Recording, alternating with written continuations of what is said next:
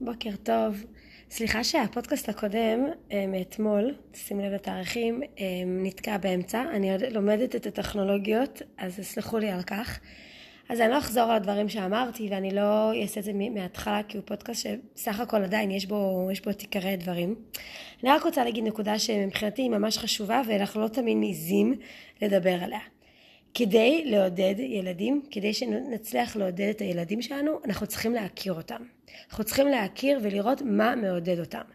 ויכול להיות שיש לי ילד בן עשר או בת ארבע או בן, בן שש עשרה שאני לא יודעת עדיין מה בדיוק מעודד אותו. אז במקום להתבאס על זה או להיות בתחושת אשמה, פשוט בוא, בוא נגלה. בואי נגלה. וכדאי לא לחכות לרגעים הבאמת קשים, שהם באמת זקוקים לעידוד וחסר לי המילים, אלא בוא, בוא נזהה רגעים פשוטים, רגילים, של ילד שעושה פאזל ו- ונתקע, או ילד שרוצה לאכול משהו ומתוסכל שאין לו מה לאכול. איך אז ברגעים היומיומיים הפשוטים האלה אני יכולה לעודד? לעודד אותו ולהגיד לו מה, מה משמח אותו, מה עוזר לו להתעודד, מה נותן לו את הכוח להמשיך ולנסות מחדש. זה בעצם השאלות שלנו. איך אני יודעת אם אני מעודדת או לא? אם הוא ממשיך. אם הוא חוזר ומנסה שוב, אז הודעתי אותו. אז הצלחנו במשימה. כי לעודד אותו לא אומר עכשיו ירגיש טוב. לא, הוא עבר עכשיו משהו מתסכל, הוא עכשיו במצב רוח לא טוב. זה לא קסם. זה העידוד המוצלח, במרכאות, כן, העידוד שמעודד, זה, מאוד, זה מה אני רוצה לראות? ילד שמנסה שוב. ילד שמרגיש טיפה יותר עם, עם תחושת מסוגלות. זה עידוד. זה לא לנקות לו את הצרות, זה לא לקום בוקר בן אדם חדש, זה קצת יותר תחושה שהוא יכול. זה הרעיון. אז תנסו לקחת דוגמאות הכי פשוטות יומיומיות של הילדים, תסכולים הכי הכי קטנים שהמקרר לא נפתח, ולראות מה בשפה שלי עכשיו יכול להיות שיש להם עידוד פנימי, שיש להם שפה פנימית, ש, שהוא ינסה עוד פעם ועוד פעם לפתוח את המקרר גם בלי שתעודדי אותו. אחלה, מעולה, ברור שזה הרמה הכי גבוהה, זה מוטיבציה פנימית. אבל נניח ובכל זאת הם צריכים את העידוד שלנו, בכל זאת אנחנו כהורים, אתה יודע, אוהבים לדבר, אז אנחנו רוצים לדבר כדי לעודד, כדי להרגיש שאנחנו עוזרים. מה יכול לעזור? ואז לאט לאט להתחיל להכיר את הילדים. לפעמים עוזר כמו שאמרתי בפודקאסט הקודם, להזכיר להם רגעים אחרים בחיים שהם התגברו על קשיים.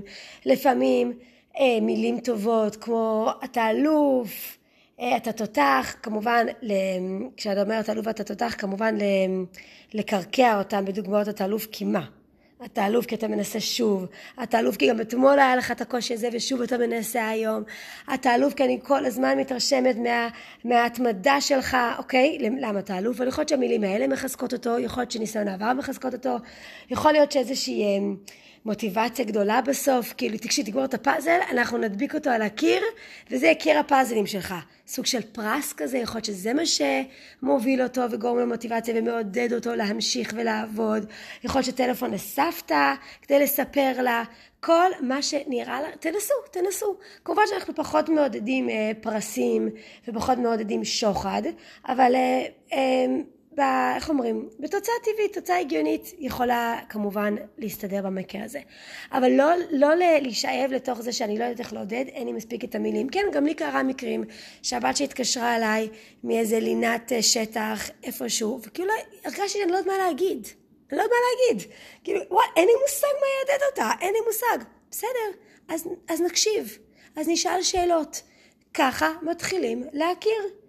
אז מתחילים לנסות לחשוב, רגע, מה נראה לך שיעזור לך? מחזירים חזרה את השאלה. מה, מה עזר לחברה שלידך שהיה לה קשה? ולאט לאט בונים היכרות שכזאת. לאט לאט, ופעם הבאה שהיא תתקשר אליי בעוד שנתיים, בעוד חודש, בעוד יומיים, אני אדע קצת יותר איך לענות. אז לא להישבר או להילחץ מזה, לראות את זה כמקפצה ללמידה. יכול להיות שאם יש לי חמישה ילדים, או שבעה ילדים, או אפילו שלושה ילדים, יכול להיות שאני לא יודעת מה עוזר לכל אחד באופן אישי. בסדר, לא נורא, לא נורא. אז נתחיל מהיום ללמוד ונתחיל מהיום לחשוב על זה. מה, ש, מה שלוקחת משתי הפודקאסטים האלה ביחד, ומזה אני אסיים, כי זה באמת סך הכל רק רציתי לעשות איזושהי השלמה קטנה. זה שעידוד זה אחד הדברים הבונים אישיות, הבונים ביטחון, ערך עצמי, תחושת מסוגלות, הוא סופר סופר חשוב. לפני שאני פותרת את הבעיה, לפני שאני מייעצת את כל העצות הכי חכמות שיש לנו, ויש לנו, אני לא אומרת שלא, אני קודם כל מזכירה לעצמי שככל שאני מחזירה את הכדור אליהם, כמו, ככל שאני מראה להם שהם מסוגלים לפתור לעצמם את הבעיה, אני מחזקת אותם, ובסוף אני גם מחזקת את עצמי. כי בסוף תחושת ההורות הכי טובה, זה לא שכל הכוח אצלי ושאני יודעת הכל ושאני כל יכול, אלא שאני עוזרת לילד שלי לעבור את החיים. זה באמת התחושה ההורית הכי מוצלחת שאפשר. אז כדי לעשות את זה, אני צריכה קודם כל לזכור שאני צריכה להיות מעודדת. אני צריכה להתעודד. אני צריכה למצוא את הכוחות שמחזקות אותי, שמשמחות אותי, שמרגיעות אותי, כדי שכשהילד שלי במצוקה, אני לא נשבת לתוך המצוקה שלו, אלא נשארת חזקה, ואני נשארת בקור שלי ואני עוזרת לו. ובמקביל, ללמוד מה מעודד את הילדים שלי. כי כל ילד מעודד משהו אחר. לפעמים מעודד את הילד שלי לתת לו מגנום מהמקפיא ולהגיד יאללה, ולפעמים יש ילד שני שרק שומר על התזונה שלו ומגנום זה מה שהכי מעליב אותו.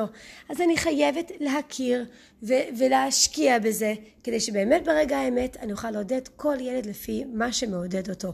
בדיוק כמו שאני לא מתעודדת, לא משמח אותי, לא מחזק אותי, אותו הדברים שמחזקים את הבן זוג שלי, אותו דבר אצל הילדים שלי, אז מה הם כולם באותו גיל? כל ילד מתעודד ומתחזק ונרפא מדברים אחרים. ועלינו להכיר את זה ולהשתמש בזה בתבונה.